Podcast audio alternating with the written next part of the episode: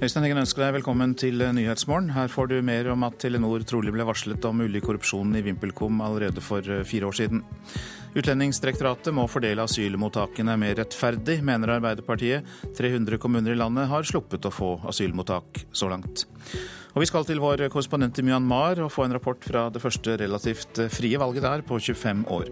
Og her hjemme får eh, Fortidsminneforeningen sin største private gave noensinne for å redde kulturminner som står til forfalls. Telenor ble altså varslet om en mulig korrupsjon i mobilselskapet VimpelCom allerede for fire år siden, skriver Dagens Næringsliv. Det er utbetaling på 30 millioner dollar som danner grunnlaget for korrupsjonssiktelsen mot tidligere VimpelCom-toppsjef Jo Lunder. Saken handler om ei utbetaling på 30 millioner dollar til selskapet Takilant høsten 2011 men ifølge Dagens Næringsliv var det ingen som varsla den tidligere konsernsjefen Jo Lunder om at utbetalinga trolig var tvilsom. Det er nettopp denne millionutbetalinga som danner grunnlaget for korrupsjonssiktelsen mot Lunder, som nå sitter i varetekt. Disse millionene skal ifølge amerikansk politi ha vært en bestikkelse for å få telelisenser. Korrupsjonen ble forsøkt skjult som betaling for to konsulentrapporter, tekst som skal være rene Wikipedia-avskrifter. Telenor ønsker ikke å svare på hva som ble gjort etter at de fikk bekymringsmeldinga, skriver avisa. Heller ikke Økokrim ønsker å kommentere saken. Arne Egil Tønseth orienterte der. Å skaffe arbeid og bolig er det som er vanskeligst når kommunene skal ta imot flyktninger, viser en ny undersøkelse KS har gjort blant flyktningekonsulentene. Åtte av ti sier det er vanskelig å finne boliger, og enda flere svarer at det er vanskelig å finne praksisplasser. Og det bekymrer KS-direktør Helge Eide. Bolig og arbeid virker det som er mest eh, krevende, og begge deler er jo helt essensielt for å kunne integrere flyktninger godt i, eh, i samfunnet. Spørreundersøkelsen blant landets flyktningkonsulenter ble gjort i oktober. Av de som svarte, forteller 84% at det å skaffe praksisplasser og overgang til jobb i kommunene er vanskelig, og åtte av ti flyktningkonsulenter sier at det er utfordrende å finne bolig. Problemene med bolig og arbeid henger sammen. Sånn beskriver en av flyktningkonsulentene det. Utfordringen er å finne nok språk, praksisplasser, og at flyktningene kommer ut i lønna arbeid etter hvert. Uten lønna arbeid har de heller ikke mulighet til å kjøpe boliger. Og boligene som de bor i, blir da ikke klare for nye flyktninger. Så Det er den store utfordringen, at man må løse det problemet for at kommunen skal være i stand til å si ja til den store veksten i antall flyktninger som nå kommer og skal bosettes. Nå som tusenvis av nye asylsøkere sykler inn i landet hver måned, blir utfordringene neppe mindre fremover, tror interessedirektør i KS Helge Eide. Jeg tror at eh, den aller største utfordringen nå det blir eh, å, å, skaffe eh, arbeid nok, eller arbeidsplasser og arbeidspraksis til alle som kommer. For, vi vet jo at arbeid, sammen med språk selvfølgelig, er helt avgjørende for at personer skal kunne komme inn og bli kvalifisert for å bli en vanlig borger i, i samfunnet med arbeid sånn som eh, meg og deg har. Venstre foreslår nå å gi asylsøkere lov til å jobbe fra første dag i landet, istedenfor å måtte vente til asylintervjuet. Det tror leder Trine Skei Grande vil dra flere inn i arbeidslivet all erfaring tilsier at vi har en luke på én til to år hvis folk blir gående passiv lenger enn det. Det vet vi på oss nordmenn også. Så det er vanskelig å komme tilbake igjen til yrkeslivet. Det viser også all forskning. Eh, så derfor så vil vi at folk skal bli oppmerksom på den norske samfunnskontrakten. At vi gir frihet og trygghet, men vi forventer at folk bidrar i den i fellesskap og jobber og betaler skatt. Men er du kanskje litt naiv når flyktningkonsulenter flyktningkonsulentene som jobber med det her, sier at det er det største største problemet? Ja, Da spørs det hva er det de eh, gjør rett, de kommunene som nå ser at alle sammen kommer ut i jobb, fordi at de jobber systematisk med den kompetansen de får inn. Eh, jeg tror at vi heller skal se på dem som lykkes, enn å se på dem som mislykkes. Trine Skei Grande, Venstre-lederen til slutt der, til reporter Linda Reinholdsen. Utlendingsdirektoratet må fordele asylmottakene mer rettferdig på norske kommuner. Det mener nestleder i kommunalkomiteen på Stortinget, Helga Pedersen fra Arbeiderpartiet. Så langt har over 300 kommuner i landet sluppet å få asylmottak. I Høyanger i Sogn venter de sitt andre mottak, og det har skapt harme. Jeg syns det er urettferdig, og jeg er kraftig provosert av at eh, sentrale myndigheter da ikke ser det at eh, nå må en fordele byrdene med dette. Sa rådmann Arve Varden i Høyanger før helga. Sogne kommune er en av vel 100 som har asylmottak. De resterende 300 kommunene i landet har ikke mottak i det hele. Det er altfor mange kommuner som sitter med beina dingla på kanten og ikke tar det ansvaret som eh, vi må ta i forhold til den nasjonale krisa som er på vei. Så vi ser daglig i nyhetene. Jeg forstår veldig godt reaksjonen fra Høyanger. Det sier nestleder i kommunalkomiteen på Stortinget, Helga Pedersen fra Arbeiderpartiet.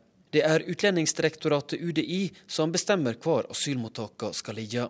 Helga Pedersen vil ikke endre denne ordninga men mener UDI må spreie mottakene så jevnt utover de 428 kommunene i landet som mulig. Ja, det mener jeg. Tallet på asylsøkere i Norge øker sterkt, og det trengs i dag kring 200 nye mottak i landet. Regiondirektør i UDI Atle Berge sa tidligere i veka at de i ei ideell vær ville ha prøvd å unngå flere mottak i en og samme kommune, men at de pga. den prekære situasjonen ikke kan det. Det har leder i kommunalkomiteen på Stortinget, Helge André Njåstad fra Frp, stor forståing for. Det er helt uaktuelt for oss å tenke et system der vi skal fordele asylmottak utover alle 428 kommuner eh, i Norge. Vi vil heller gå i en retning av at eh, kommunene skal få mer de skulle ha sagt i forhold til om de har kapasitet og kompetanse til å være vertskommune for et asylmottak. Og Norav Pedersen var reporter her. Så til eh, det avisen er opptatt av. Slik er sharia-straffene i IS-kalifatet. Aftenposten skriver om vilkårlig straff, amputasjoner og offentlige henrettelser, som er skrekkregimets metoder. Mange gode muslimer tenker ikke slik IS gjør, derfor blir de slaktet, sier en kvinne som flyktet fra Aleppo i sommer. Naboene ventet at noe skulle skje, skriver Adresseavisen om skadeverket på det planlagte asylmottaket på Hegratun i Stjørdal. Jeg ble forferdelig trist og lei meg, sier styreleder i Hegratun, Olav Bakken. Ordføreren i Sør-Varanger krever asylkontor. Til Klassekampen sier Rune Rafaelsen at det bør være et eget UDI-kontor i Kirkenes, slik at personer uten beskyttelsesbehov kan sendes raskt ut. 53 asylsøkere ble kjørt i drosjer fra Oslo til Kristiansand, kan vi lese i Fedrelandsvennen. UDI sier de foretrekker buss, men at den store tilstrømningen av flyktninger skaper store utfordringer for mottakssystemet, og at det kan resultere i dyre løsninger. Ny E6 betyr en dobling av bompengeavgiftene for sagbrukene i Gudbrandsdalen. Det skriver Nasjonen. En katastrofe for både nærings- og samfunnsutviklingen, sier Jørn Nørstlien, leder av trelastprodusenten Gausdal Bruvoll. Intern krangling stopper misjonsorganisasjonenes oppgjør med egne synder, får vi vite i Vårt Land. Fire taterorganisasjoner er invitert av Kirkens sosialtjeneste til å finne ut hvordan overgrep fra Norsk Misjon blant hjemløse kan kompenseres, men nå har denne prosessen stanset. Tidenes priskrig på matvarer er oppslaget i VG. Ifølge avisas matbørs kan vi spare opptil 15 000 kroner per år på den billigste maten. I dag telles stemmene i Myanmar, som har hatt sitt første relativt frie valg på 25 år. Nobels fredsprisvinner og opposisjonsleder Aung San Suu Kyi har vært valgets favoritt, og hennes tilhengere er sikre på at deres parti, NLD, National League for Democracy, har vunnet. Asia-korrespondent Peter Svaar, du er med oss, og du følger valget der. Og når får vi resultatet? Det som ryktes her nå, er at uh, valgkommisjonen kommer til å slippe noen foreløpige tall allerede om et par timer, kanskje om rundt fire timer rundt uh, lunsjtid i Norge. Dette kommer jo ikke til å være det endelige resultatet, men det kommer til å være mange av uh, setene fra byene er ferdig talt opp. Det kan jo gi oss et bilde dersom det inntrykket vi har fått nå om at NLD har Eh, vunnet eh, med eh, veldig stor margin mange steder stemmer. Men det vil også si at mange av de etniske setene, som jo kan avgjøre hvem som får presidenten til slutt, ikke er talt opp i dag og ikke vil være talt opp på en stund ennå. Vi kaller jo dette valget for relativt demokratisk, for representanter for de militære får jo 25% av nasjonalforsamlingen uansett. Ja, det er store begrensninger i dette valget som har foregått helt på juntaens premisser ut fra den eh, grunnloven de eh, forfattet i 2008. og Det betyr at eh, selv om NLD skulle vinne med rent flertall. altså De trenger over 67% av de avgitte stemmene i dette valget. Så vil fortsatt juntaen ha kontroll på de tre viktigste ministerpostene her, bl.a. forsvars- og sikkerhetsminister. Og de vil også ha kontroll på en fjerdedel av setene i parlamentet. Og dette er jo en begrensning som NLD og Aung San Suu Kyi har sagt at dersom Eh, de får eh, eh, virkelig stor nok støtte i dette valget, så vil de presse på nå for nye grunnlovsendringer i fremtiden. Ja, Du sier jo det, Peter Svaar, at det er jo ikke noen offisielle resultater før kanskje til lunsjtid norsk tid. Men, men hva er det sannsynlig at de militæres parti, de har jo sitt eget parti, USDP. Er hvordan er det sannsynlig at de kommer til å gjøre det? Det går rykter nå om at uh, viktige personer i USDPs ledelse har uh, tapt sine parlamentsseter. Det gjelder bl.a. Uang Min, som uh, har ledet fredsprosessen mellom juntaen og de etniske gruppene her. Det gjelder Shwe Man, som har vært speaker i parlamentet her for USDP.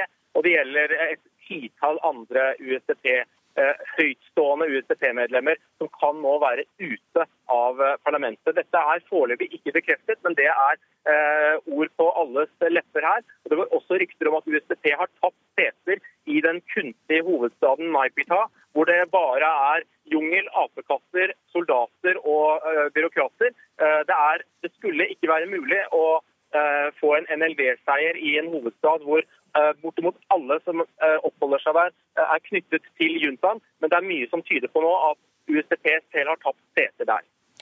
Peter Svaar, takk skal du ha. Peter han følger valget i Myanmar for oss. Klokka den er 6.45 der, og vi har disse hovedsakene. Telenor ble varslet om mulig korrupsjon i mobilselskapet VimpelCom allerede for fire år siden. Det skriver Dagens Næringsliv. Utlendingsdirektoratet må fordele asylmottakene mer rettferdig, mener Arbeiderpartiet. 300 kommuner i landet har sluppet å få asylmottak så langt. Vi skal høre at Fortidsminneforeningen har fått sin største private gave noensinne for å redde kulturminner til forfalls. Men først utenriks, for i dag skal Israels statsminister Benjamin Netanyahu og USAs president Barack Obama møtes for første gang på over et år. Det skjer i Washington DC, der Netanyahu i mars oppfordret Kongressen til å sørge for at det ikke ble noen eh, av noen atomavtale med Iran. USA-korrespondent Gro Holm forteller at det ikke er noe godt forhold mellom de to politiske lederne. Ja, På det personlige planet så er det jo et veldig dårlig forhold. Eh, de to har veldig ulike politiske ideologier, ulike verdensbilder. Og i de årene Obama har sittet som president, så har det heller ikke akkurat utviklet seg noe mer tillitspreget forhold enn det det var i utgangspunktet. Og det er klart at Når eh, det jo da er blitt noe av denne atomavtalen med Iran, så er jo ikke det noe som Netanyahu akkurat setter pris på. Og dessuten så har den nye pressetalsmannen i Israels utenriksdepartement eh, tidligere kalt eh, Obama for en antisemitt, og utenriksminister Kerry har han sagt at han har en alder som en tolvåring. Så de tingene har lekket ut nå denne uken her, så det er enda et dårlig utgangspunkt for å møtes nå. Når det er sagt, så er nok begge to nå innstilt på at de skal se bortenfor eh, de personlige og ideologiske motsetningene og eh, forsøke å nærme seg hverandre for å ivareta de felles interessene som de to statene tross alt oppfatter at de har. Vi får vel tro at Iran blir tema. Hva ellers er det ventet at de vil snakke om? Ja, For Netanyahu så er det viktig å få tatt opp fornyelse av en tiårig forsvarsavtale. Den utløper nok ikke før i 2017, men eh, Netanyahu ønsker seg mer enn de tre milliarder dollarene som inngår i avtalen nå. Han har konkrete ønsker om smartere bomber, eh, visse typer ammunisjon, kanskje flere F-35-fly enn de 33 som, eh, som er bestilt til nå. Ehm, så skal de helt sikkert diskutere kampen mot IS, Syria og Irak. Og selvfølgelig også den siste volds, voldsbølgen i Israel og på de okkuperte områdene. Eh, og Netanyahu vil sikkert be om en slags moralsk støtte fra Obama i den sammenheng. Det er jo eh, fortsatt omfattende palestinske angrep på israelere med knivstikking og steinkasting osv. Nå er det jo eh, ja, det er 14 måneder igjen av Obama-administrasjonen. Er det ventet nye initiativ for å få i gang fredssamtaler mellom Israel og palestinerne? Nei, det har jo lekket ut fra Obama-administrasjonen om at de har ingen tro på at det vil eh, være mulig å nå fram til noen sluttavtale mellom Israel og Palestina nå, og ingen tostatsløsning. Og eh, han som sitter med ansvaret i Det nasjonale sikkerhetsrådet til Obama, han har også uttalt at han tviler egentlig på at man vil få i gang fredssamtaler i det hele tatt. Det Obama nok har som et målsetting, det er å få Netanyahu til å forplikte seg til at han fortsatt er for en tostatsløsning. Eh, det er mange palestinere som ikke tror på det lenger, men det er på en måte den eh, politiske utgangen som Obama fortsatt ser som den mest, eh, mest gunstige, om enn det er lite realistisk nå innenfor de neste 14 månedene. Og Når det gjelder Netanyahs Netanyahus besøk i USA, hva ellers står på programmet? Han skal ha møter med medlemmer av Kongressen. Han skal motta en utmerkelse fra den konservative organisasjonen American Enterprise. Det skjer i morgen kveld. Han skal også tale til en liberal eh, tenketank, Center for American Progress. og Det er eh, sett på som et forsøk på i hvert fall ikke distansere seg helt fra demokratene. Eh, og han skal også snakke til en jødisk paraplyorganisasjon i USA. Han drar tilbake igjen til Israel på torsdag, er det meningen. Korrespondent Gro Holm, som jeg snakket med litt før sending. Presidenten i Det internasjonale friidrettsforbundet, Sebastian Coe, sier det kommer til å ta lang tid å bygge opp tillit igjen etter korrupsjonsanklagene mot tidligere president Lamin Diak, som skal ha drevet med utpressing. I dag legger forbundet fram en rapport om de rystende forholdene innen friidretten. Sebastian Coe sier til BBC at han ikke blir forbauset om det kommer nye avsløringer. It may well. It may well. Everything is being reviewed. There is absolutely nothing in this organization that is not being reviewed at the moment. Alt gammelt grums skal på bordet. Det har allerede kommet fram at den tidligere IAAF-presidenten Lamin Diak, hans sønn og en annen sentral person innen friidretten, Cissé, skal ha holdt positive russiske dopingprøver hemmelig mot betaling. Én million euro skal de ha fått. Det er den franske statsadvokaten som har tatt ut tiltale mot de tre. When the police came IAAF headquarters, what happened? Yes, they came. Um, I made it very clear to everyone in the organization that I expected complete and total compliance with everything that they asked for. Politiet har beslaglagt materiale fra kontorene til forbundet, og Coe sier han ønsker full åpenhet rundt denne alvorlige saken. Vi ønsker å bidra til at alt nå kommer på bordet, sier Coe, som beskriver dette som dark days for friidrett. Clear shock, a great deal of anger and a lot of sadness. These are dark days for our sport, but I'm more determined than ever to rebuild the trust in our sport. Sebastian Coe til BBC, og eh, vår reporter her, det var Paul Thomassen. Fortidsminneforeningen har fått sin største gave noensinne. De neste fem årene får de til sammen 41 millioner kroner for å redde kulturminner som står til forfalls. Og det er eh, Sparebankstiftelsen DNB som gir pengene til Fortidsminneforeningen, og det vil gi merkbare resultater, mener fagfolk. Her har det pågått eh, lekkasje i ganske mange år. Så dette huset står egentlig bare og, og venter på Vår Herre som tar det tilbake. Naturen spiser seg inn på en gammel husmannsbolig på Jørstadmoen i Lillehammer. Her vet du, 1789. Det er byggeåret. Svein Arne Rudi vil ta huset tilbake og åpne det for flere. Skoleklasser f.eks. Kanskje overnatting på loftet en høstkveld. Og det er jo det vi ser for oss, at kulturminnene blir satt i stand. Og så er de til glede for oss alle i ettertid. Sier Birte Selvåg i Sparebankstiftelsen DNB, som vil gi 41 millioner kroner til dette de neste fem åra. Dette tallet vi har fått nå er jo liksom vanskelig å forholde seg til liksom proporsjonsmessig. Vi er jo vant til å tenke at 100 000 kroner er mye penger. Svarer generalsekretær i Fortidsminneforeninga Ola Harald Fjellheim. Har du fått så mye penger noen gang? Nei, det har jeg ikke. Her ser, ser du nå at eh, den muren Svein Arne Rudi er pedagog og kulturminneforvalter med kunnskap om teknisk bygningsvern og restaurering. Det er det vi kaller for en kistemur, da. Nylig ble han med i lokallaget, og det er de som brenner for den fraflytta husmannsplassen. Sånn som det ser ut nå, det ser liksom gjemt og glemt ut, men det kan bli stas her. Det mangler tusenvis av håndverkere som kan de teknikkene Svein Arne Rudi så ivrig viser fram. Og her ser du på, på gulvet. Ja. Du, du, ser litt sånn skjæremetoden bortover. Derfor krever stiftelsen at restaureringa skal drives som kurs eller utdanningsmoduler, helst for yngre folk. Striper etter saga. Vi er ikke sånn at vi gjerne vil ta vare på historien bare for å ta vare på. Vi vil at det skal formidles, sånn at vi kan ta det med videre inn i fremtida. Jeg kjeller, det har jeg aldri vært nedi, faktisk. Rudi er fortsatt på skattejakt i det forfalne huset. Her ser han muligheter for kurs i mange håndverksteknikker. Alt ifra maling, du har jo vinduer, eh, du har jo pipe ikke sant, med, med kalkstein. Og du har jo uh, utskifting av svillstokker, takstein. Så det er jo kjempearena som det bare setter, fantasien som setter begrensninger. Da. Du ser profilen på vinduet. Altså det er det er forseggjorte saker, altså. Og trua er stor på at dette vil gi merkbare resultater i jobben med å spre kunnskapen om tradisjonshåndverk. Ja, jeg, jeg vil eh, tro det. Fordi at uh, hvis du driver opplæring, så har du en litt vifteeffekt. At uh, når én er på opplæring, så, uh, så, sprer det seg rundt til de som er rundt den personen. Det er, det er, mange som er interessert. Interessen vokser, og miljøet er liksom på vei oppover. Og da er en sånn, dette blir en vitamininnsprøytning. Generalsekretær i Fortidsminneforeningen, Ola Harald Fjellheim, og reporter Torunn Myhre. Det er for få norske operasangere ved Bergen nasjonale opera. Operasjefen eh, svarer at det ikke finnes nok nordmenn som er gode nok for Bergen, men det får altså operamiljøet til å reagere.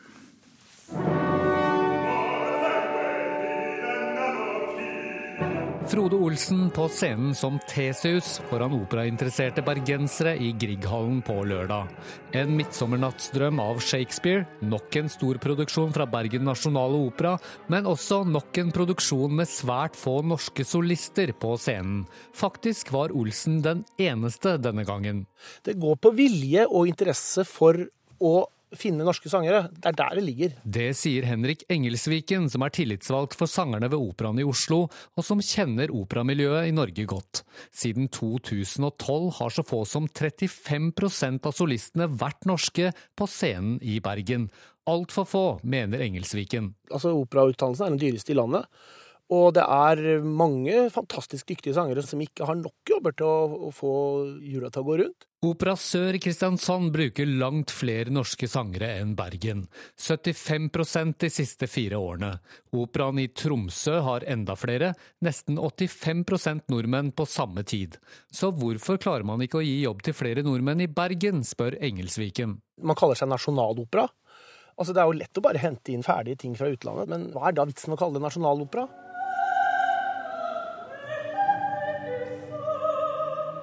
Det er Mary Miller som er operasjef i Bergen. Hun er skotsk, opprinnelig fiolinist, og har hatt jobben siden 2010. Hun sier hun alltid forsøker å bruke norske operasangere, men at det bare fins 15-20 som er gode nok til å synge i Bergen. Og når hun tilbyr dem jobb, er de allerede opptatt, sier hun. We will always offer main roles to Norwegians if they are the appropriate roles. But there are a limited number of Norwegian singers maybe 15 to 20 Norwegians working all over the world at a very high level. And they're busy. 15 det er jo helt meningsløst tall. Da har du ikke, jeg, mener, da vil jeg gå så hardt ut og si at da har du ikke gjort jobben sin. Da har du ikke vært nok rundt og hørt på de fantastiske sangerne vi har i Norge. Og så har hun ikke vært tidlig nok ute. Heller ikke Opera Sørs Frøydis Emilie Lind er enig i at det er for få nordmenn å velge mellom. Jeg syns egentlig det er ganske mange gode sangere i Norge. Operasjef Mary Miller er uenig i kritikken, og sier hun har god oversikt over nivået på norske operasangere, og at Bergen nasjonale opera jobber bevisst med å dyrke fram nye talenter. Et høyt kunstnerisk nivå er viktigst, sier hun, og tilføyer at ikke alle kan være best på det de driver med. I think we have to be recognized that not everybody can be at the top of their profession. Reportasjen var laget av Petter Sommer. Så til værvarselet fram til midnatt. Fjell i Sør-Norge, sørvestlig kuling. Enkelte sluddbyger og snøbyger vesentlig i vestlige områder. Fra seint i ettermiddag vestlig kuling. Sludd og snø først i sør. Østlandet og Telemark eh, ser vi samlet. På kysten liten kuling. Fra i ettermiddag periodevis stiv kuling. Stort sett opphold. Fra i ettermiddag forbigående litt regn, først i vestlige områder. Agder på kysten sørvestlig stiv kuling. I ettermiddag forbigående sterk kuling. Det blir regn i vestlige områder av Agder. Fra i ettermiddag blir det regn også lenger øst. Rogaland og Hordaland sørvest stiv og periodevis sterk kuling. Regn og regnbyger. I kveld utrygt for torden. Lokalt mye nedbør. Nedbør som snø over ca. 900 meter. Sogn og Fjordane sørvest liten storm, sterk storm ved Stad. Litt minkende vind i ettermiddag. Seint i kveld vestlig liten kuling. Det blir regn og regnbyger i Sogn og Fjordane. I kveld utrygt også for torden, og det blir lokalt mye nedbør. Snø i høyden. Møre og Romsdal sørvest sterk kuling, full storm på kysten. Litt minkende i ettermiddag. I kveld sørvest stiv og periodevis sterk kuling. Seint i kveld vestlig liten kuling. Det blir regnbyger, snøbyger over 900 meter. Trøndelag øking til sørvest liten til full storm på kysten, først i sør. I kveld sørlig stiv kuling. Det blir regnbyger i Trøndelag, snøbyger over 900 meter. Nordland sørøst sterk kuling utsatte steder. I ettermiddag dreier vinden sørøstlig, og på kysten forbigående liten storm. Etter hvert regn og snø i høyden. Troms sørøst stiv kuling utsatte steder, sterk kuling øst for Lyngsalpene. Oppholdsvær, fra i ettermiddag litt snø i grensetraktene. Så var det Finnmark med sørlig liten kuling utsatte steder. Fra ettermiddag stiv kuling, sterk kuling lengst i vest. Litt snø på vidda, lengst i øst og ellers opphold. Nordensjøland på Spitsbergen sørlig liten kuling utsatte steder, litt sludd eller regn. Temperaturer klokka fire i natt. Svalbard lufthavn pluss to. Kirkenes minus én. Vardø pluss to. Alta null. Tromsø tre. Bodø og Brønnøysund åtte. Trondheim-Værnes ti. Molde åtte. Bergen-Flesland og Stavanger begge ni. Kristiansand-Kjevik elleve. Gardermoen og Lillehammer 7, Røros 3 grader og Oslo og Blindern hadde 8 grader klokka 4.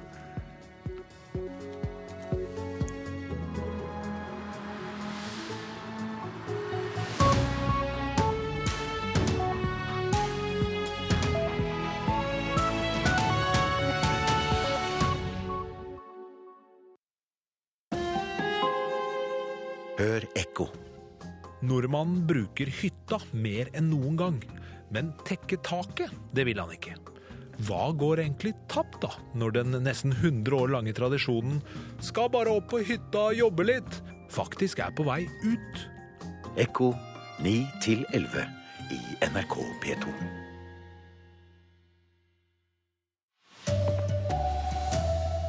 PST advarer mot russisk etterretning som prøver å lure godtroende nordmenn med vodka og sex. Lederen for parlamentet i Myanmar har gratulert sin motkandidat med valgseier. Her er NRK Dagsnytt klokka sju ved Anders Borgen Werring. Ja, nordmenn lures inn i russisk honningfelle for at de skal gi hemmelig informasjon om norske myndigheter eller industri. Politiets sikkerhetstjeneste får langt flere rapporter nå enn tidligere fra nordmenn som har blitt forsøkt utpresset. Arne Christian Haugstøyl, fagansvarlig for kontraetterretning i PST, sier nordmenn på forretningsreise må være mer på vakt. Spesielt ved reiser så har vi òg eh, dessverre fått en del rapporteringer på norske borgere som er blitt forsøkt presset til å gjøre avtaler om å levere informasjon til bl.a. til russiske myndigheter. Han beskriver en av fremgangsmåtene PST advarer mot. De ser en økning i at russisk etterretning vil lure godtroende nordmenn. Ved hjelp av vodka og sex som ingen her hjemme bør få vite om, presses nordmenn på forretningsreise eller politikere til å gi fra seg informasjon. Det kan være alt fra eh, såkalte honningfeller, det å sette seg i situasjoner der man har eh, drukket mye alkohol. Damebekjentskaper. Mer normalt er jo å gjøre en ulovlig handling i det landet man er i, slik at man kan bli presset ved at det trues med å bli straffeforfulgt. Den russiske ambassaden avviser alle påstandene og sier de er skandaløse. Reporter her, det var Ellen Omland. Lederen for parlamentet i Myanmar gratulerer sin motkandidat, lederen for NLD, med seieren og erkjenner å ha mistet plassen i nasjonalforsamlingen. I dag telles stemmene opp i Myanmar, som har hatt sitt første relativt frie valg på 25 år. Noen distrikter er allerede ferdig opptalt, men først senere blir det endelige resultatet klart, sier Asia-korrespondent Peter Svaar. Dette kommer jo ikke til å være det endelige resultatet, men det kommer til å være mange av eh, setene fra byene er ferdig talt opp. Det kan jo gi oss et bilde dersom det inntrykket vi har fått nå om at NLD har eh, vunnet eh, med veldig stor margin mange steder, stemmer. Men det vil også si at mange av de etniske setene, som jo kan avgjøre hvem som får presidenten til slutt, Eh, ikke, ikke er talt opp i dag, og ikke vil være talt opp på en stund ennå. Arbeids- og sosialminister Robert Eriksson vil kutte i flyktningenes trygd og pensjoner. Eriksson sier til VG at det ikke skal være mer attraktivt å komme til Norge enn til andre land, og at trygdeordningen for asylsøkere er fra en tid da det bare kom 50 flyktninger i året. I dag blir flyktninger medlemmer av folketrygden umiddelbart etter at de får opphold, noe som gir dem rett til full alderspensjon og andre trygde- og velferdsytelser. Det var NRK Dagsnytt. Her fortsetter Nyhetsmorgen. Frykter norske arbeidsgivere at russisk etterretning skal friste deres medarbeidere med vodka 6, som vi hørte om i Dagsnytt. Sikkerhetsrådgiver i arbeidsgiverorganisasjonen Virke kommer hit. Anabole steroider blir stadig mer utbredt i treningsbransjen. Treningssentrene tester nå flere enn tidligere. Volden øker i Burundi. Folk frykter for framtida og flykter fra det sentralafrikanske landet. Ja, Vi hørte det i Dagsnytt nordmenn lures inn i russiske honningsfeller for at de skal gi slipp på hemmelig informasjon om norske myndigheter eller industri. Politiets sikkerhetstjeneste får langt flere rapporter fra nordmenn som er blitt forsøkt utpresset med vodka og sex. Arne Christian Haugstøyl, fagansvarlig for kontraetterretning i PST, sier nordmenn på forretningsreise må være mer på vakt. Spesielt ved reiser så har vi òg, dessverre, fått en del rapporteringer på norske borgere som er blitt forsøkt presset til å gjøre avtaler om å levere informasjon til bl.a. til russiske myndigheter. Han beskriver en av fremgangsmåtene PST advarer mot. De ser en økning i at russisk etterretning vil lure godtroende nordmenn. Ved hjelp av vodka og sex som ingen her hjemme bør få vite om, presses nordmenn på forretningsreise eller politikere til å gi fra seg informasjon. Det kan være alt fra eh, såkalte honningfeller, det å sette seg i situasjoner der man har eh, drukket mye alkohol. Damebekjentskaper. Mer normalt er jo å gjøre en ulovlig handling i det landet man er i, slik at man kan bli presset ved at det trues med å bli straffeforfulgt. En kjent etterretningsmetode, men allikevel på frammarsj nå, sier Haugestøyl. For etter Russlands annektering av Krimhalvøya i Ukraina har norsk næringsliv og politikere blitt mer skeptiske til møter med russere. Dermed er ikke dørene i Norge like åpne lenger. Og Den dreiningen gir seg først og fremst utslag i mer fordekt etterretningsvirksomhet. For etterretningsbehovene eh, vil være det samme. Dette er en skremmende utvikling som vi eh, må være veldig oppmerksom på framover. Er nordmenn eh, for dumme når, de, når, vi er i utlandet, når de opplever sånt? Til det vil jeg nesten svare ja, vi er naive når vi er på reiser til den type land. Flere stortingsrepresentanter NRK har snakket med, forteller at de har hatt samtaler med PST, men de vil ikke fortelle åpent om det. PST har gitt råd om hva man bør gjøre og hva man ikke bør gjøre i møte med russiske diplomater, politikere eller forretningsforbindelser. Arne Christian Haugestøyl i PST vil ikke si om noen har gitt fra seg informasjon. Men hvis de blir utsatt for et sånt press, at de kan bli straffeforfulgt i et annet land, da er det jo som å bli trua til å gi fra seg informasjon for å kunne reise ut igjen? Ja, det er jo det. Og vi mistenker jo at uh, vi har store mørketall når det gjelder dette. Uh, fordi enkelte vil jo uh, føle dette presset såpass stort at de ikke vil rapportere om dette til oss eller til sin arbeidsgiver når de kommer tilbake. Den russiske ambassaden avviser altså alle påstander og sier at de er skandaløse. Reporter var Ellen Omland. Tor Martin Bjerke, velkommen. Takk. Du er sikkerhetsrådgiver i arbeidsgiverorganisasjonen Virke. Og hva syns du om advarselen fra PST? Jeg syns det er litt uvanlig at de eh, går ut på den måten, men jeg ser jo helt klart at eh, det kan være en veldig aktuell problemstilling. Vi har sett at etterretning mot norske virksomheter har økt de siste årene fra par av de store, store landene. Og man tar i bruk de metodene man kjenner best til, og som har virket i hundrevis av år. Det er uvanlig, men er det likevel positivt at de går ut slik og advarer? Ja, jeg syns det. Fordi vi er nok litt naive her på, i landet. Vi har veldig lav kriminalitet. Vi er vant til et åpent og godtroende samfunn. Så jeg tror det er viktig at PST og andre organisasjoner går ut av og til og minner om hvilke trusler som ligger der ute. Du nevnte store land. Det betyr at det kanskje kan være flere da enn russisk etterretning som driver med dette? Vi vet jo at både Kina og Russland driver etterretning mot internett. Og det er heller ikke urimelig å tro at de kanskje driver dette her mot, på andre måter også. Har du fått melding om at folk i medlemsbedriftene til Virke har opplevd dette? Nei, jeg har ikke fått melding om det, men jeg har selv vært involvert i et par saker som eh, har skjedd her i landet, faktisk. Så jeg tror at man skal ikke bare tenke på reiser til eh, Russland eller de eh, landene. Man må også se hva man gjør her hjemme eller i andre land når man er på forretningsreiser. Det er jo et kjent, som sagt, et historisk kjent problem. Og jeg tror at hvis man ikke passer seg overalt, så, så vil man kunne komme i fella. Hvordan ble folk lurt eller fristet her i Norge? Ja, det er, jo, det er, jo, jenter og sex. Det er jo det det går på stort sett. Eh, eller avvikende seksuelle atferd eh, som man helst ikke vil at andre skal vite om. Og da er det veldig lett å bli eh, kjørt fast på et spor som man ikke kommer ut av hvis man først ender der. Og de tilfellene, har du, har du da forsøkt å hjelpe til? De, som, de, de tilfellene som oppsto her i Norge? Ja. Da har jeg vært å gi råd for å prøve å komme seg ut av det. Men det viktigste rådet vi kan gi på forhånd, det er jo faktisk at man unngår å komme i situasjoner som er kompromitterende. Og har man en eller annen form for verdi, enten det er kunnskap om produkter, tilgang til penger eller eh, rettigheter til å kunne utbetale store beløp, så bør man være veldig forsiktig når man er eh, ute blant folk, for å si det sånn. Mm. Eh, PST nevnte at nordmenn kanskje er for naive her. Du sier jo selv at vi er ikke vant til så mye kriminalitet her i landet.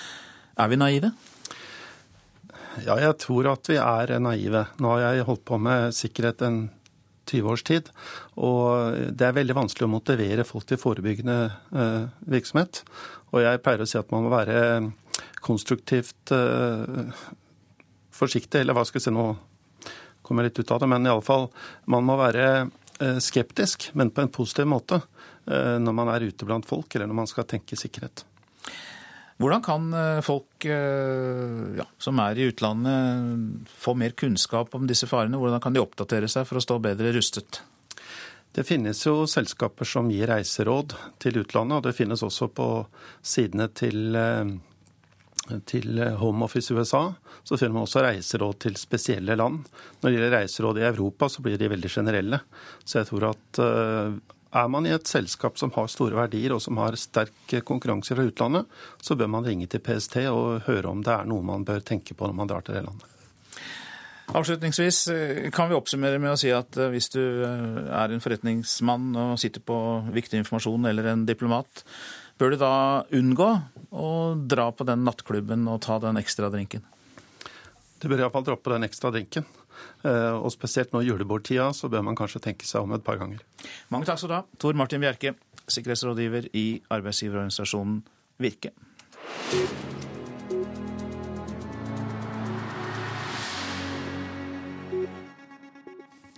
Nå om at uh, treningssentrene i Norge har tatt opp kampen mot de som doper seg før de drar på trening. I første halvdel av 2015 er det gjort 75 dopingtester, og det er mer enn det ble gjort i løpet av hele 2014, ifølge Antidoping Norge. Øystein Sjølberg har bedt flere medlemmer på sitt senter om å teste seg. Du kan jo for det første se på at eh, noen får unormalt hurtig muskelvekst. Eh, oppførsel. Jeg har selv vært i bransjen i, i, i 15 år, så, så, man får med seg litt i forhold til hvilken fremgang man kan forvente, og hvordan en kropp kan forandre seg, og, og hvor fort ting kan skje. Skjølberg er regionsjef i Stamina-kjeden. Han har gjennomført over 40 samtaler med personer han mistenker har brukt anabole steroider, eller testosteron, så langt i år. Av disse har nesten halvparten blitt bedt om å ta en dopingtest. Trening skal jo først og fremst være gøy og helsefremmende. og eh, og doping har ingenting med helsefremmende tiltak å gjøre. Anabole steroider bidrar til at musklene vokser raskt og blir store. Men effekten har en høy pris, og bivirkningene varierer fra fett hår og uren hud til livstruende skader og sykdommer. Når vi snakker med sentrene og er ute på informasjonsstand og snakker med medlemmer, så hører vi at det er lett tilgjengelig med dopingmidler. Det sier Kim Eilertsen, som leder Rent senter-programmet i Antidoping Norge. Sentrene som er med her, forplikter seg til å luke ut medlemmer som bruker treningsdop. Og i år har de testet flere enn noen gang tidligere. Første halvår av 2015 eh, så har vi gjennomført 75 eh, tester på senter. Han tror særlig én grunn er avgjørende når folk velger å dope seg. Eh, kroppspresset som er i samfunnet i dag er tøft for mange, og mange ønsker da å ta en, en snarvei til målet sitt. Også statssekretær i Helse- og omsorgsdepartementet Cecilie Brein-Karlsen tror jaget etter drømmekroppen spiller inn. Det handler om at man har fokus på helt eh, si, urealistiske kroppsidealer. Og dessverre da så bruker noen da doping for å oppnå drømmekroppen. Det handler nok om, om forfengelighet. Under halvparten av de rundt 1000 treningssentrene i Norge er med i Rent senter-prosjektet. Det syns Skjølberg i Stamina er synd. Det er viktig at senteret er rent. Av at for det første så er, er ungdom lett påvirkelig. Det er enkelt å bli frista til snarveier. Eh, du får se usunne kroppsidealer som du kan bli frista av. Etterspørselen er stor, og tollvesenet har i år gjort rekordbeslag av treningsdop. Nettopp derfor mener han det er viktig å passe på. Har du en gutt eller jente på 14-15-16 år som, som, skal begynne å trene på et treningssenter, så anbefaler jeg sterkt å ta en eh, sjekk, sånn at sønnen eller dattera di begynner å trene på, eh, på, et senter som er sertifisert. Reporter her, det var Randi Midtskog. Ja, folk i Myanmar venter fortsatt på det endelige resultatet av det første relativt frie valget på 25 år. Det er ventet at Aung San Suu Kyis parti vinner valget, men det er for tidlig å gratulere våre kandidater med seieren, sier eh, hun. Kristian Stokke, god morgen. God morgen. Du er professor og samfunnsgeograf ved Universitetet i Oslo. Du sitter i styret i Burmakomiteen, kjenner Myanmar godt. Hvilket inntrykk eh, har du så langt, selv om vi ikke har noe mye resultater å vise til? Ja, Foreløpig så vet vi mer om valgdagen i Yangon og i byene enn på landsbygda og i minoritetsområder. Men eh, så langt så virker det for at valget har blitt gjennomført eh, på en eh, god måte. Det har vært et rimelig fritt valg, men det betyr ikke nødvendigvis at det er et rettferdig valg. Men så langt så virker det for at det har gått bedre enn mange kunne fryktet. Betyr det da at vi kan vente oss en endring, et skifte? en mye At regjeringen vil se mye, mer, mye annerledes ut etter dette valget? Eh, parlamentet vil se mye annerledes ut. Regjeringen vil òg se annerledes ut, men om det blir et regjeringsskifte er veldig usikkert. Og det vil bli en lang prosess med forhandlinger før vi kommer dit. Med mindre resultatet nå skulle vise at NLD har vunnet faktisk mer enn 67% av de valgte parlamentsmedlemmene. Da blir det et klart regjeringsskifte. Og Hvorfor må de ha så høy prosentandel for å kunne si at de virkelig får full kontroll? Ja, Det henger sammen med hvordan grunnloven i Myanmar er. At eh, militær, det tidligere militærstyret har reservert 25% av parlamentet for sine egne. Det vil si at det kun er 75% av parlamentsmedlemmene som er demokratisk valgt. Det gir da eh, militæret og deres parti, eh, USDP, en, eh, en forrang i, i, alt som har med parlamentspolitikk å gjøre. Og det er ut av parlamentet at presidenten velges, og som så oppnevner regjering. Så det er ikke et direkte valg på president eller regjering, det er en totrinnsprosess. Eh, og det vi skal inn i nå, er da den lange prosessen med å finne ut hvordan konstellasjonene i parlamentet eh, skal omsettes til presidentvalg og så regjeringsdannelse.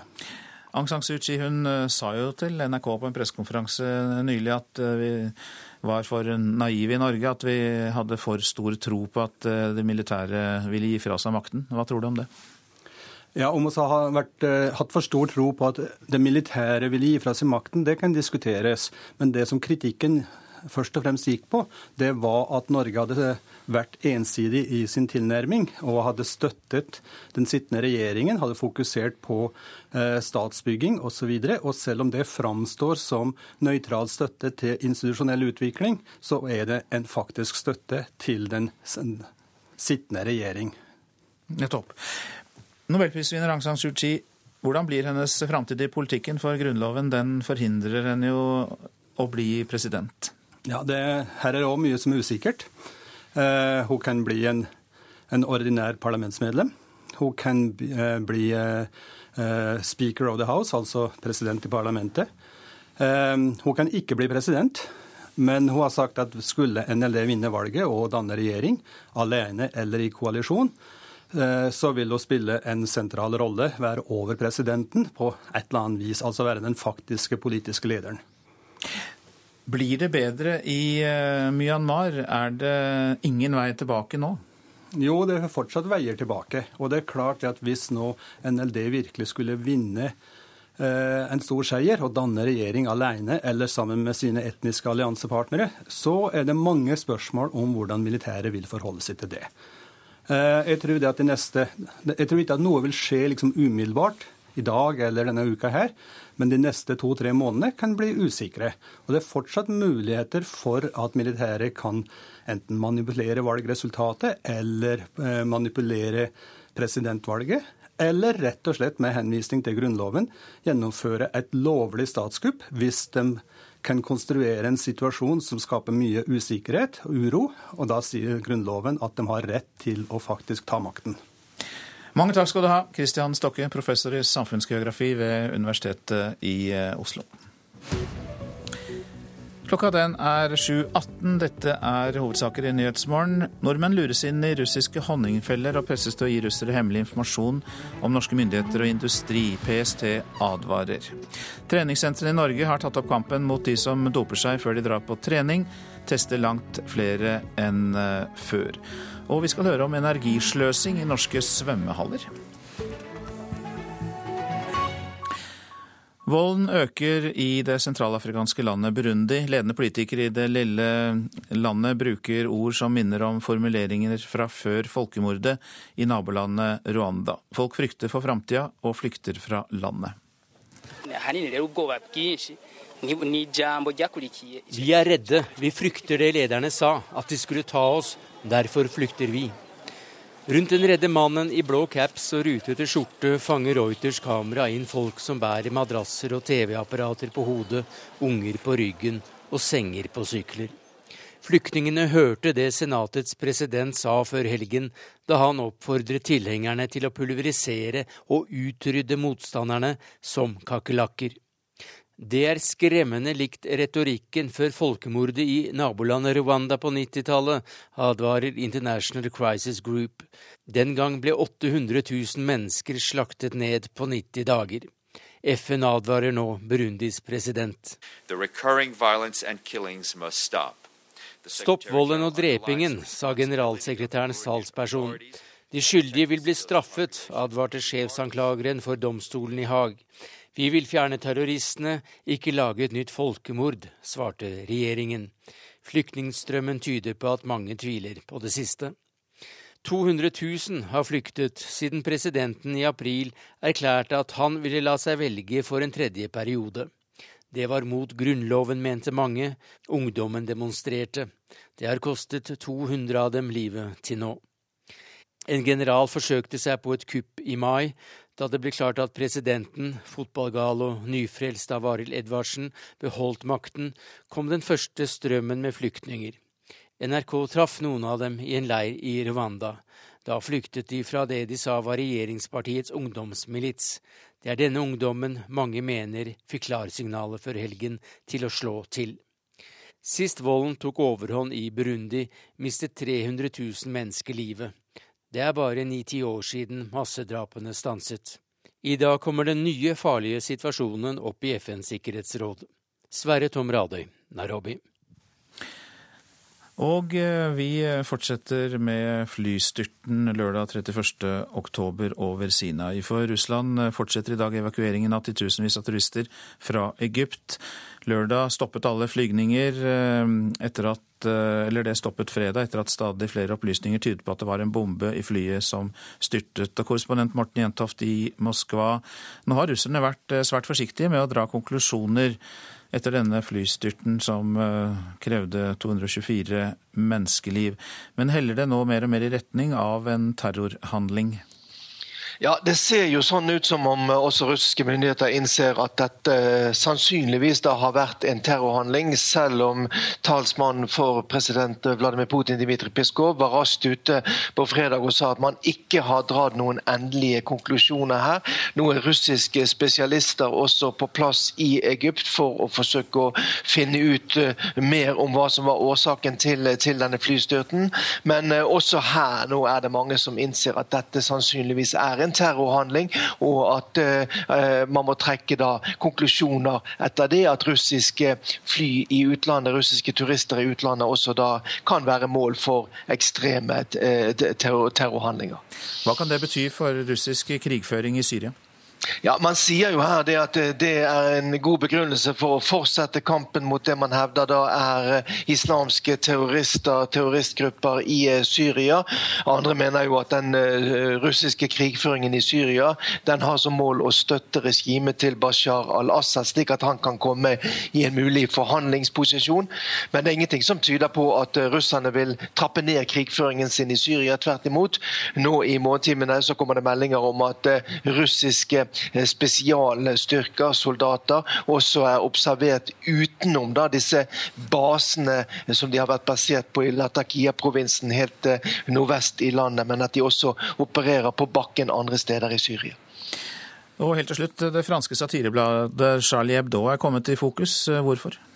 Ja, eh, det har blitt en stor sak, i alle fall på sosiale medier her i Russland, etter at eh, eh, Charlie Hebdo gikk ut med to tegninger. Bl.a. en som viste et, et, en, en, vrakrest som da falt ned over Sinai-halvøyen. Som viser at om han hadde skrevet at det russiske flyvåpenet fortsetter sine intensive flyangrep.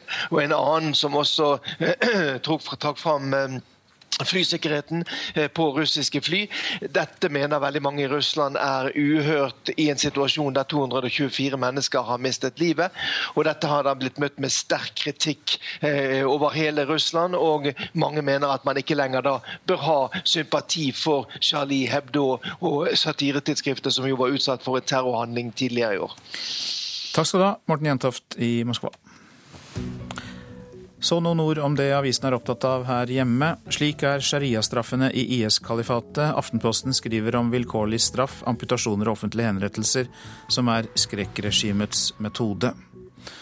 Naboene ventet at noe skulle skje, skriver Adresseavisen om skadeverket på det planlagte asylmottaket på Hegratun i Stjørdal. Jeg ble forferdelig trist og lei meg, sier styreleder i Hegratun, Olav Bakken. Ordføreren i Sør-Varanger krever asylkontor. Til, asyl, til Klassekampen sier Rune Rafaelsen at det bør være et UDI-kontor i Kirkenes, slik at personer uten beskyttelsesbehov kan sendes raskt ut. 53 asylsøkere ble kjørt i drosje fra Oslo til Kristiansand, kan vi lese i Fædrelandsvennen. UDI sier de foretrekker buss, men at den store tilstrømmingen av flyktninger skaper store utfordringer, og at det kan resultere i dyre løsninger. Ny E6 betyr en dobling av bompengeavgiften for eh, sagbrukene i Gudbrandsdalen, kan vi lese i Nasjonen. Det er en katastrofe for både nærings- og samfunnsutvikling, sier Jørn Nørstelien, leder av trelastprodusenten Gausdal Bruvoll. Intern krangling stopper misjonsorganisasjonenes oppgjør med egne synder, får vi vite i Vårt Land. Fire taterorganisasjoner er invitert av Kirkens sosialtjeneste til å finne ut hvordan overgrep fra Norsk Misjon blant hjemløse kan kompenseres. Men nå har denne prosessen stanset. Johanne på 17 år drømmer om å dra på ferie, men familien mener kommunen gir dem reiseforbud, kan vi lese i Bergens Tidende. Johanne Sletteland Bjelland puster gjennom et hull i halsen og er avhengig av assistentene sine, men Bergen kommune har sagt nei til at de får bli med på ferie, selv om familien vil betale både reise og opphold for dem. Tidenes priskrig på matvarer er oppslaget i VG. Ifølge avisas matbørs kan vi spare opptil 15 000 kroner i året på billigst mat. Svømmehallene her i landet kan spare inn 250 millioner kroner årlig hvis de satser på bedre energiløsninger.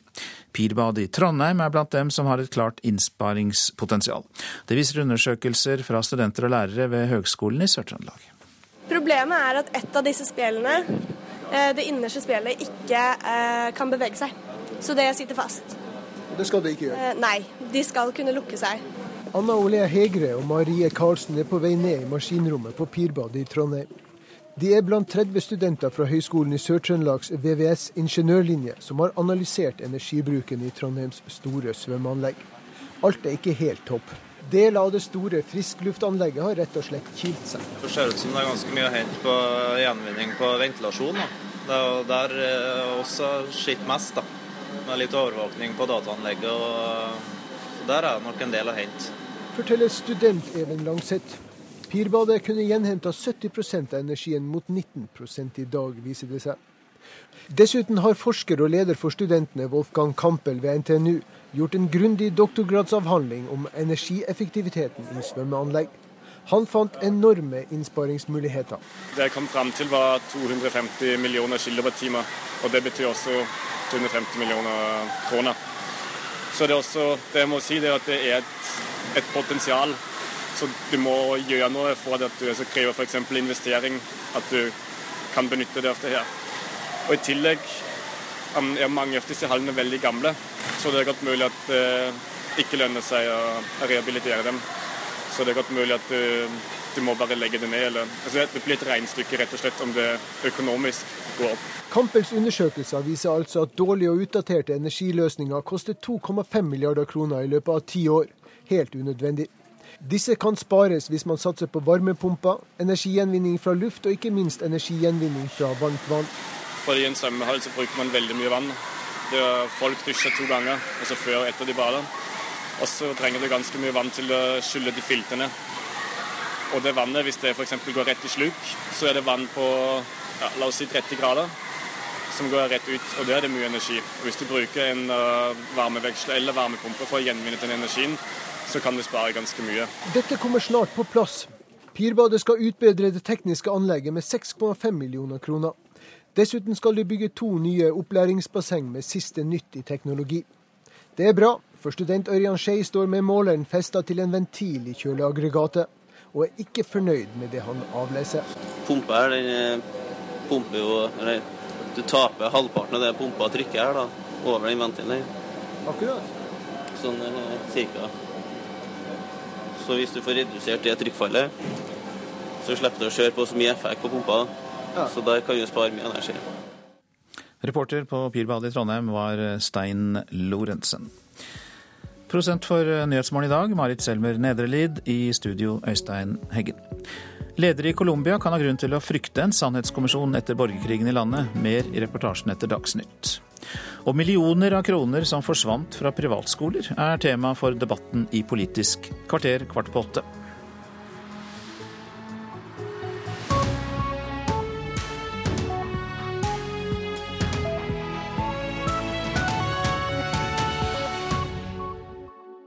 Ytring på NRK P2.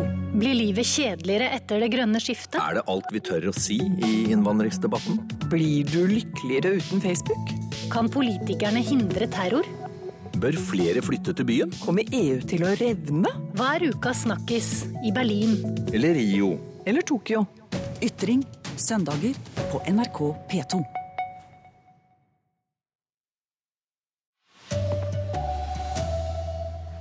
Russisk etterretning lurer nordmenn med vodka og sex, advarer PST. Fredsprisvinner Aung San Suu Kyi kan bli valgvinner i Myanmar, men tør ikke ta seieren på forskudd. Altfor få treningssentre tar et klart standpunkt mot dop, mener Antidoping Norge. Her er NRK Dagsnytt klokka 7.30 ved Anders Borgen Werring. Ja, Politiets sikkerhetstjeneste får altså langt flere rapporter nå enn tidligere fra nordmenn som har blitt forsøkt utpresset. Arne Christian Haugstøyl, fagansvarlig for kontraetterretning i PST, sier nordmenn på forretningsreise må være mer på vakt. Spesielt ved reiser så har vi òg, eh, dessverre, fått en del rapporteringer på norske borgere som er blitt forsøkt presset til å gjøre avtaler om å levere informasjon til bl.a. til russiske myndigheter. Han beskriver en av fremgangsmåtene PST advarer mot. De ser en økning i at russisk etterretning vil lure godtroende nordmenn. Ved hjelp av vodka og sex som ingen her hjemme bør få vite om, presses nordmenn på forretningsreise eller politikere til å gi fra seg informasjon. Det kan være alt fra eh, såkalte honningfeller, det å sette seg i situasjoner der man har eh, drukket mye alkohol. Damebekjentskaper. Mer normalt er jo å gjøre en ulovlig handling i det landet man er i, slik at man kan bli presset ved at det trues med å bli straffeforfulgt. En kjent etterretningsmetode, men allikevel på frammarsj nå, sier Haugestøyl. For etter Russlands annektering av Krimhalvøya i Ukraina har norsk næringsliv og politikere blitt mer skeptiske til møter med russere. Dermed er ikke dørene i Norge like åpne lenger. Dette er en skremmende utvikling som vi eh, må være veldig oppmerksom på framover. Er nordmenn eh, for dumme når, de, når, vi er i utlandet, når de opplever sånt? Til det vil jeg nesten svare ja. Vi er eh, naive når vi er på reiser til den type land. Flere stortingsrepresentanter NRK har snakket med, forteller at de har hatt samtaler med PST, men de vil ikke fortelle åpent om det. PST har gitt råd om hva man bør gjøre og hva man ikke bør gjøre i møte med russiske diplomater, politikere eller forretningsforbindelser. Vi mistenker jo at eh, vi har store mørketall når det gjelder dette. Reporter her, det var Ellen Omland. Og den eh, russiske ambassaden avviser alle påstandene og sier de er eh, skandaløse. Men sikkerhetsekspert Tor Martin Bjerke i arbeidsgiverorganisasjonen Virke, hva sier du om denne advarselen fra PST? Jeg syns det er betimelig at man går ut med det når man sitter på sånn slik informasjon. Men jeg syns også det er viktig å si at dette gjelder ikke bare det landet, det gjelder også her i landet og andre steder, hvis man har verdier. Og Ifølge PST som vi hørte her, så er altså norske forretningsmenn eh, naive og lar seg lure til både sex eh, og vodka. Hva gjør dere for å hindre at eh, dette skjer? Nei, Vi prøver jo å opplyse om hvordan sikkerhetssituasjonen er, og så prøver vi å motivere folk til å tenke mer på sikkerheten når de er både her i landet og når de er ute og reiser. Og da er det kanskje ekstra grunn til å passe på nå når vi går inn i julebordsesongen i så måte? Ja, det vil jeg si er ekstra viktig, for da er det mange som gjør ting de angrer stort på etterpå. Har du noen eksempler på at folk eh, har blitt lurt? Ja, Ikke fra utlandet, men jeg kjenner til tilfeller fra Norge hvor man har blitt lurt inn i et, forhold, et seksuelt forhold og etterpå har blitt eh, presset på penger. Hvordan eh, håndterer dere det? Nei, Det er litt vanskelig å si, og det vil jeg helst ikke si så mye om her heller. Takk skal du ha, sikkerhetsekspert Tor Martin Bjerke i arbeidsgiverorganisasjonen Virke. I løpet av eh, noen timer så blir etter alt å dømme de første resultatene fra valget i eh, Myanmar kjent. Opposisjonsleder Aung San Suu Kyi ser ut til å ha gjort et godt valg, men vil ikke ta seieren eh, på forskudd.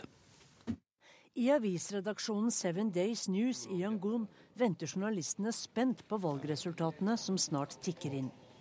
Om bare noen timer kan valgvinnerne være klare. Redaktøren tror opposisjonsleder Aung San Suu Kyi og hennes parti NDL vil vinne. Det sier han til Associated Press. Nå på morgenen sier talsmenn for opposisjonspartiet at de tror at de har vunnet 70% av setene i nasjonalforsamlingen. Det vil i tilfelle bringe landet inn i en ny tid, etter å ha vært styrt av det militære i flere årtier. Men generalene har fremdeles et grep om makten.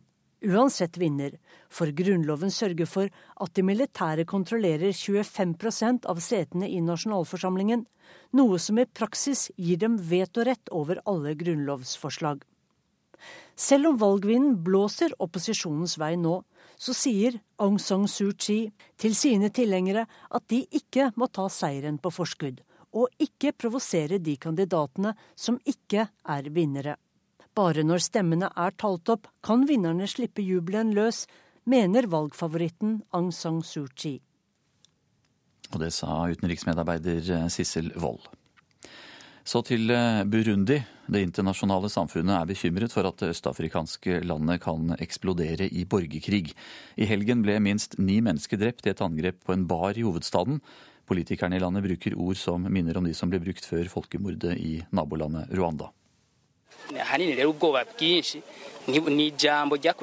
Vi er redde. Vi frykter det lederne sa, at de skulle ta oss. Derfor flykter vi.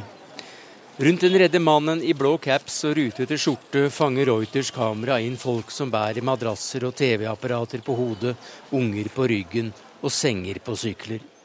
Flyktningene hørte det senatets president sa før helgen, da han oppfordret tilhengerne til å pulverisere og utrydde motstanderne som kakerlakker. Det er skremmende likt retorikken før folkemordet i nabolandet Rwanda på 90-tallet, advarer International Crisis Group. Den gang ble 800 000 mennesker slaktet ned på 90 dager. Det sa Afrikakorrespondent Sverre Tom Radøy. Utlendingsdirektoratet må fordele asylmottak mer rettferdig på norske kommuner. Det mener nestleder i kommunalkomiteen på Stortinget, Helga Pedersen fra Arbeiderpartiet. Det er over 300 kommuner her i landet som ikke har asylmottak. I Høyanger venter de sitt andre, og det har ført til harme i industrikommunen. Jeg er kraftig provosert av at eh, sentrale myndigheter da ikke ser det at eh, nå må en fordele byrdene med dette. Sa rådmann Arve Varden i Høyanger før helga. Sognekommunen er en av vel 100 som har asylmottak. De resterende 300 kommunene i landet har ikke mottak i det hele. Jeg forstår veldig godt reaksjonen fra Høyanger. Det sier nestleder i kommunalkomiteen på Stortinget, Helga Pedersen fra Arbeiderpartiet. Det er Utlendingsdirektoratet UDI som bestemmer hvor asylmottakene skal ligge. Helga Pedersen vil ikke endre denne ordninga men mener UDI må spreie mottakene så jevnt utover de 428 kommunene i landet som mulig. Regiondirektør i UDI Atle Berge sa tidligere i veka at de i ei ideell vær ville ha prøvd å unngå flere mottak i en og samme kommune, men at de pga. den prekære situasjonen ikke kan det.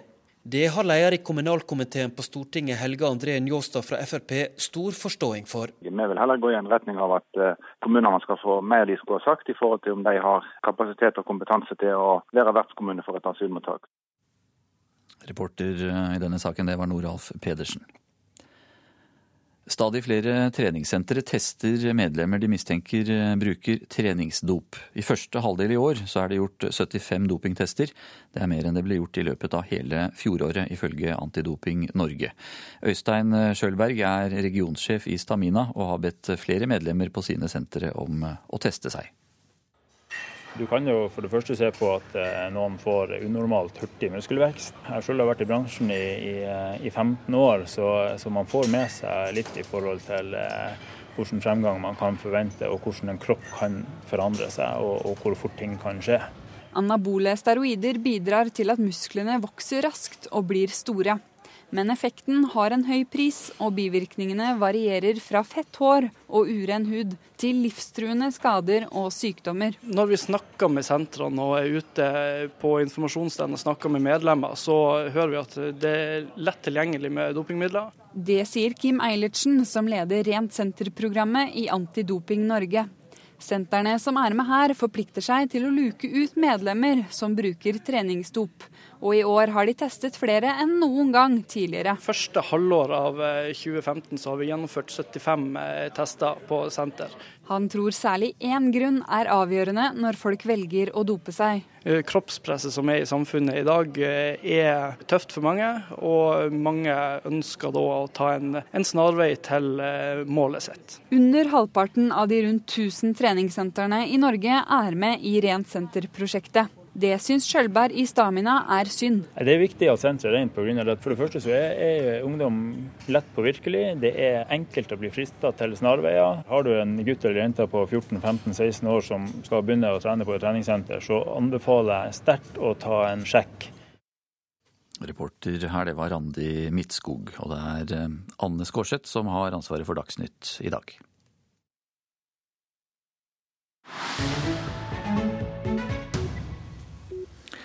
Nyhetsmorgen fortsetter i Colombia.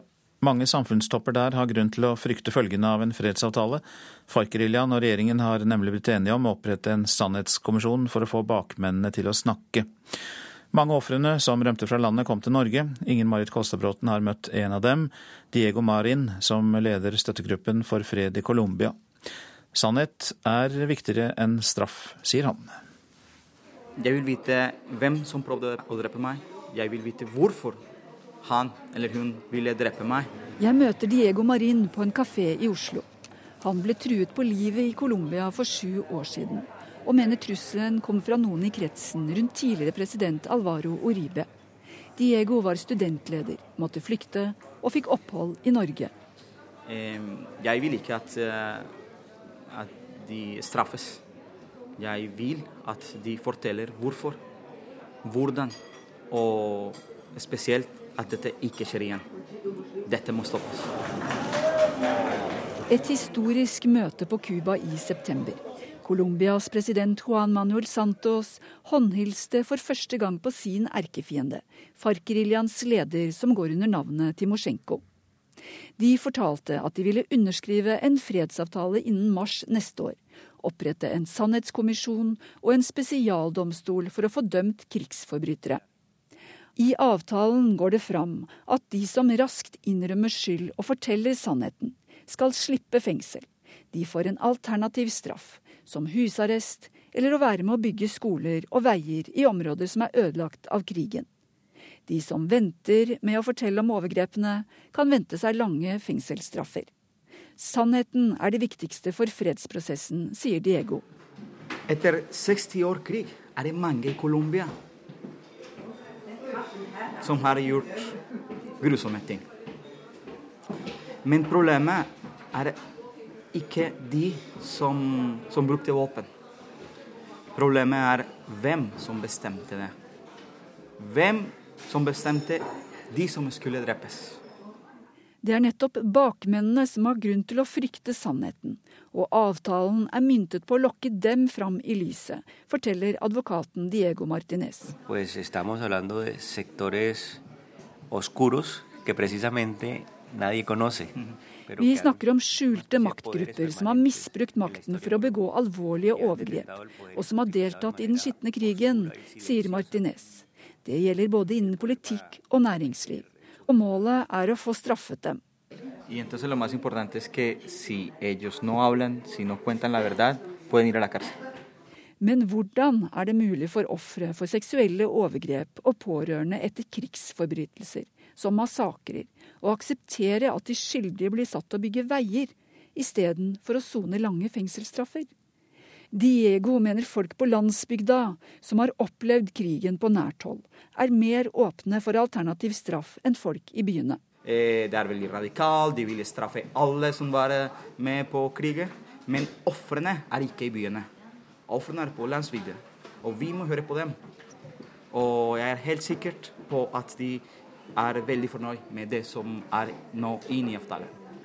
Fordi hvis vi begynner å straffe folk i et land med 60 år krig, kommer vi til å ha halvparten av befolkningen i fengsel. Så det går ikke. Men mange i Colombia er fortsatt imot å forhandle med FARC-geriljaen, som de ser på som terrorister. En av dem er tidligere president Alvaro Uribe. På tross av motstand mener Diego at flertallet i Colombia nå er for en fredsavtale med FARC, og han er helt sikker på at de underskriver en avtale neste år. Russisk etterretning lurer nordmenn med vodka og sex og presser dem til å utlevere hemmelig informasjon. PST advarer nordmenn på utenlandsoppdrag. Fredsprisvinner Aung San Suu Kyi kan bli valgvinner i Myanmar, men tør ikke ta seieren på forskudd. I løpet av noen timer blir trolig de første resultatene fra valget klare. Treningssentrene i Norge har tatt opp kampen mot de som doper seg før de drar på trening. Sentrene tester langt flere av medlemmene enn før. Utlendingsdirektoratet må fordele asylmottakene mer rettferdig, mener Arbeiderpartiet. 300 kommuner i landet har sluppet å få asylmottak. Programleder for Politisk kvarter er Bjørn Myklebust.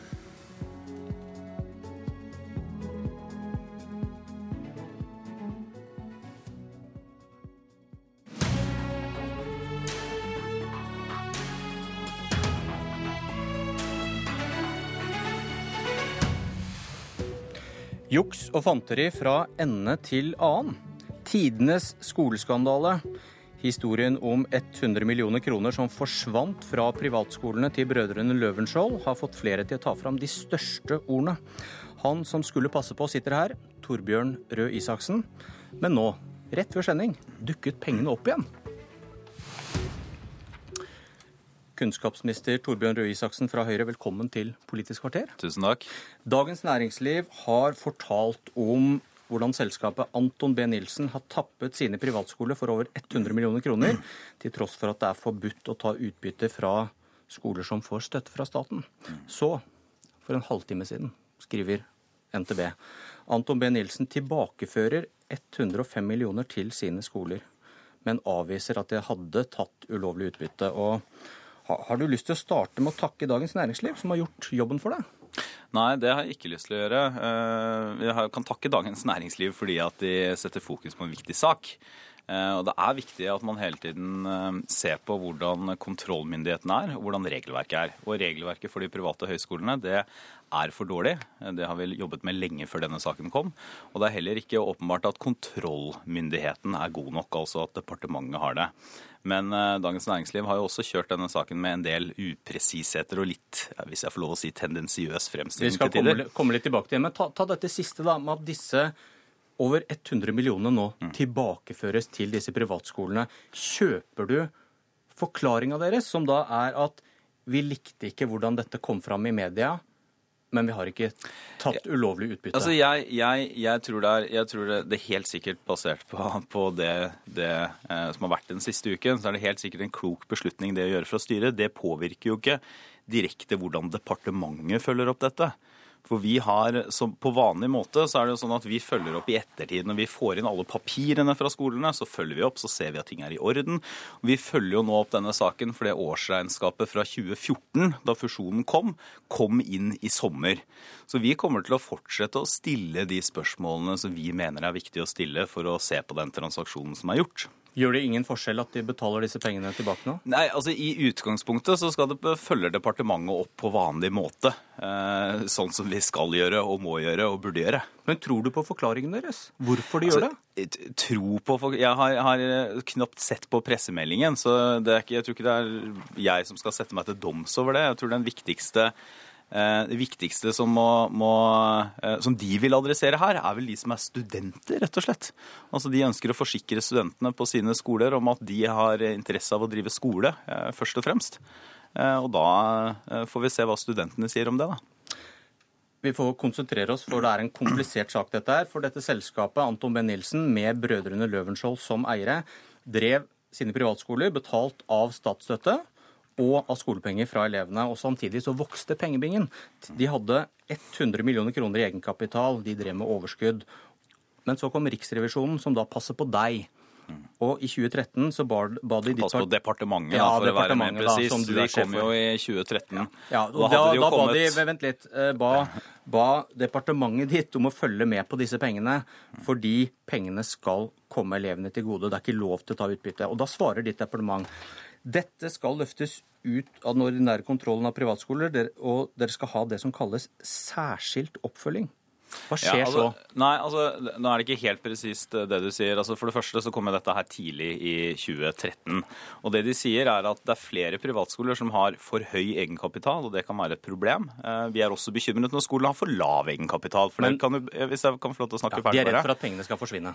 Nei, de er ikke redd for at pengene skal forsvinne. De er redd for at for høy egenkapital over tid kan være en indikasjon på at pengene ikke kommer eller studenten til gode.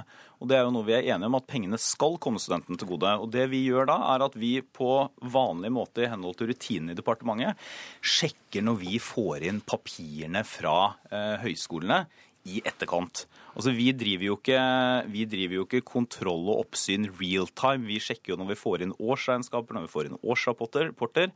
Og da sjekker vi også f.eks. denne fusjonen som har vært. Men nå hoppet, du over, annen... nå hoppet, du over det jeg spurte ja, om, fordi, fordi som... dere svarte at dette skal gis det som kalles særskilt oppfølging. Ja, altså og så det, skjedde ikke det. det, er ikke, det er ikke, altså, vi sier at det skal vi følge særskilt med på, ha en særskilt oppfølging av det. Og så blir det bestemt da i departementet at dette skal følges gjennom de vanlige rutinene for oppfølging av disse skolene. Og hva skjedde? Og i mellomtiden så har det jo også vært en fusjon der.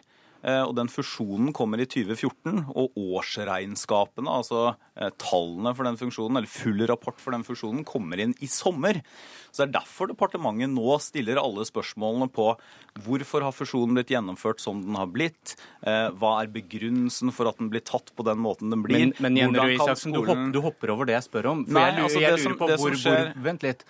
Hvorfor blir ikke dette fulgt opp spesielt som Nei, dere lovte Riksrevisjonen, fordi... og går over til en ordinær ja, Legge det i skuffen, kan man nei, tolke det nei, som? Nei, nei, nei. nei. Overhodet ikke. Altså, dette har aldri blitt lagt i skuffen, og det er det som er hele poenget her. Men forklar altså, dette med særskilt ordinær. Nei, begrunnelsen er altså dette er en, dette er en korrespondanse mellom Riksrevisjonen og en avdeling som driver med tilsyn i Kunnskapsdepartementet.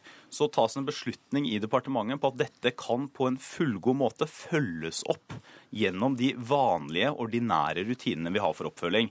Det er en ulempe med det, og det betyr at oppfølgingen kommer litt senere. Altså Med andre ord så følger vi opp da i sommer, når fullt årsregnskap har kommet, hvordan, kommet. Hvordan går det sammen men, med din forklaring om at men, vi kunne stilt flere spørsmål? Nå sitter du og sier jo, at dette var en helt grei måte å gjøre det på. Nei, det jeg sier når jeg sier at vi kunne stilt flere spørsmål, så betyr det at selv om departementet driver etterkontroll, Altså vi, vi, sjekker når vi får inn papirene fra institusjonene. Så var det sånn at når eh, Anton B. Nilsen, eller da Anton B. Nilsen kom og skulle orientere departementet om dette, så kunne man, selv om man ikke fikk papirene, så kunne man allerede da stilt flere spørsmål om denne transaksjonen.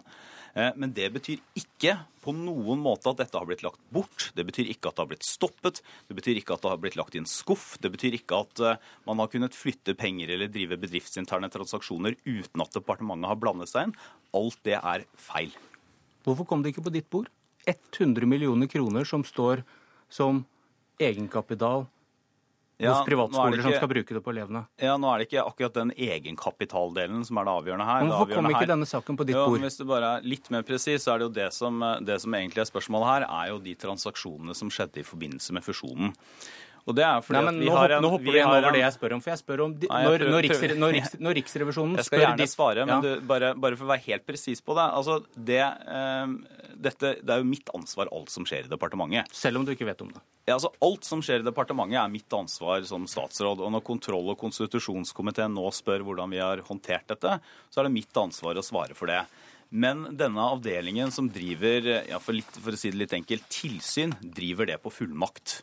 Altså vil si at eh, De sjekker og kontrollerer om de private høyskolene følger lover og regler. Og det er klart at eh, Deres jobb er å følge regelverket som er i dag. Det er ikke politiske beslutninger hvorvidt departementet skal følge dagens lovverk. Selvfølgelig. Og Det ville jo også vært eh, helt håpløst hvis jeg som politiker skulle ta stilling til hvorvidt vi skal drive tilsyn og oppsyn med private skoler på normal måte. Og Derfor så foregår dette her i avdelingene, og det kommer ikke opp til politisk beslutning. Men at det er mitt ansvar, det er det selvfølgelig. Og da her, du, også... vent litt, da her du blir sint, fordi når Dagens Næringsliv peker på dine og Høyres bånd til den ene av disse Løvenskiold-brødrene Jeg blir ikke sint. Nei, du Nei. har vel reagert ganske kraftig da, på insinuasjonene som Dagens Næringsliv har kommet med. Fordi den ene av disse Løvenskiold-brødrene han har gitt penger til Høyre og til Minerva, som du jobber for før. og um, at det vi nettopp snakket om, at eh, det skjedde etter at du ble statsråd. At det ikke ble en særskilt oppfølging, men mm. en ordinær oppfølging. Hvorfor reagerer du på at nei, disse spørsmålene stilles? Nei, jeg reagerer ikke på at spørsmålene stilles i det hele tatt. Snarere så syns jeg det er veldig bra at Dagens Næringsliv stiller disse spørsmålene. Også fordi at vi er nå i gang med, lenge før denne saken kom, å lage et nytt regelverk for, eh, for private høyskoler. Fordi dagens regelverk ikke er bra nok. Jeg mener også at vi burde ha en politisk debatt om eh, departementet burde være kontrollinstansen, sånn som det er i dag.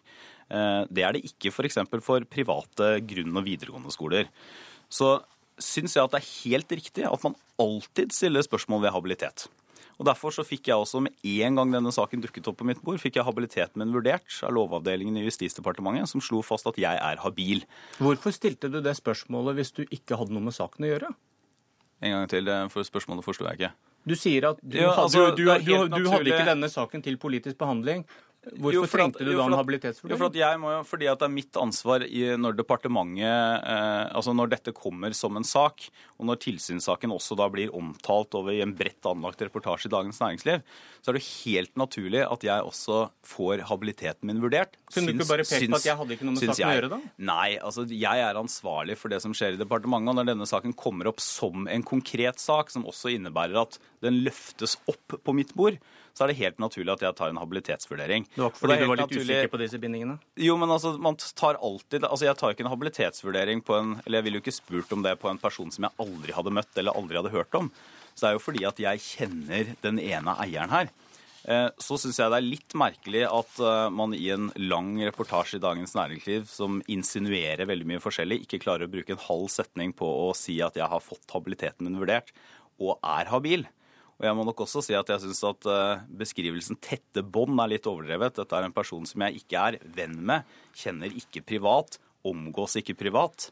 Eh, og har kun hatt kontakt med via da redaktørvervet mitt i Minerva og redaksjonsmedlemsvervet mitt i Minerva. Martin Henriksen, stortingsrepresentant fra Arbeiderpartiet. Har Røe Isaksen gjort noe galt? Nei, jeg tror ikke at Røe Isaksen har gjort noe galt. Eh, hva han har gjort og hva han ikke har gjort, det får vi jo svar på når eh, han svarer kontroll- og konstitusjonskomiteen. Men det er åpenbart at han ikke har gjort nok.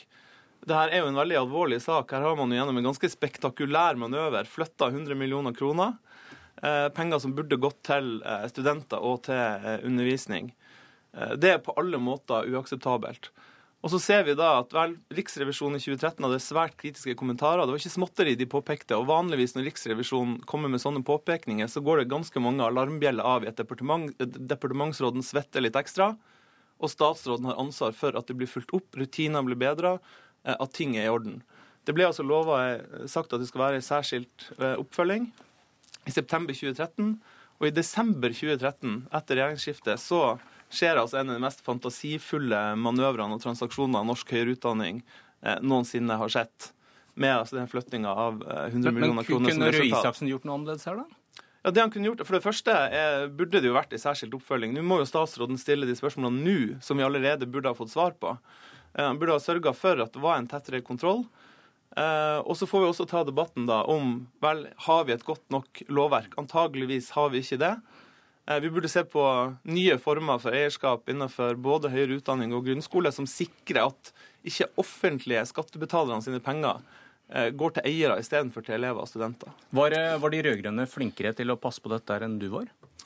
Jeg har ikke noe interesse av å gjøre det til sånn partipolitikk, men én av sakene som, er, som diskuteres nå, er jo før min tid. Og det er spørsmålet om Westerdals har fått støtte for en film- og TV-linje som ikke reelt sett var en Altså fått støtte som en selvstendig linje. og det var Det er reelt en av sett ikke det. skolene til eh, Ja, det er en av skolene Benliksen. som er snakk om her. Det var en sak fra 2011. Jeg syns at det dette illustrerer, er, eh, er de to tingene som jeg har forsøkt å nevne her flere ganger. og Det ene er at lovverket er ikke godt nok.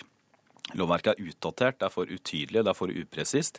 Eh, Og vi kommer til å komme tilbake til Stortinget eh, i løpet av neste år, forhåpentligvis første halvdel, med forslag til nye regler. Og det andre er at vi må også eh, da vurdere tilsynsmyndigheten, for å si det veldig enkelt. Det er langt fra åpenbart at departementet er den beste tilsynsmyndigheten. For private grunn- og videregående skoler f.eks. så er det Utdanningsdirektoratet som har den tilsynsmyndigheten. Andreassen-utvalget, som er et utvalg som har sett på dette, eh, og som er grunnen til at vi har jobbet med dette nytt lovverk og nye tilsynsregler lenge før denne saken kom, foreslår skal legges til NOKUT f.eks. Eh, Henriksen, hva er Arbeiderpartiets løsning da, for at dette skal bli vanskeligere å trikse med penger? Det vi vet er at det store kommersielle selskaper er interessert i å drive utdanning i Norge, og de finner måter å omgå loven på, å finne smutthull. De finner seg juridisk kompetanse og får gjort det. Så vi må bl.a. diskutere eierskap. altså Bør de her institusjonene være selveid?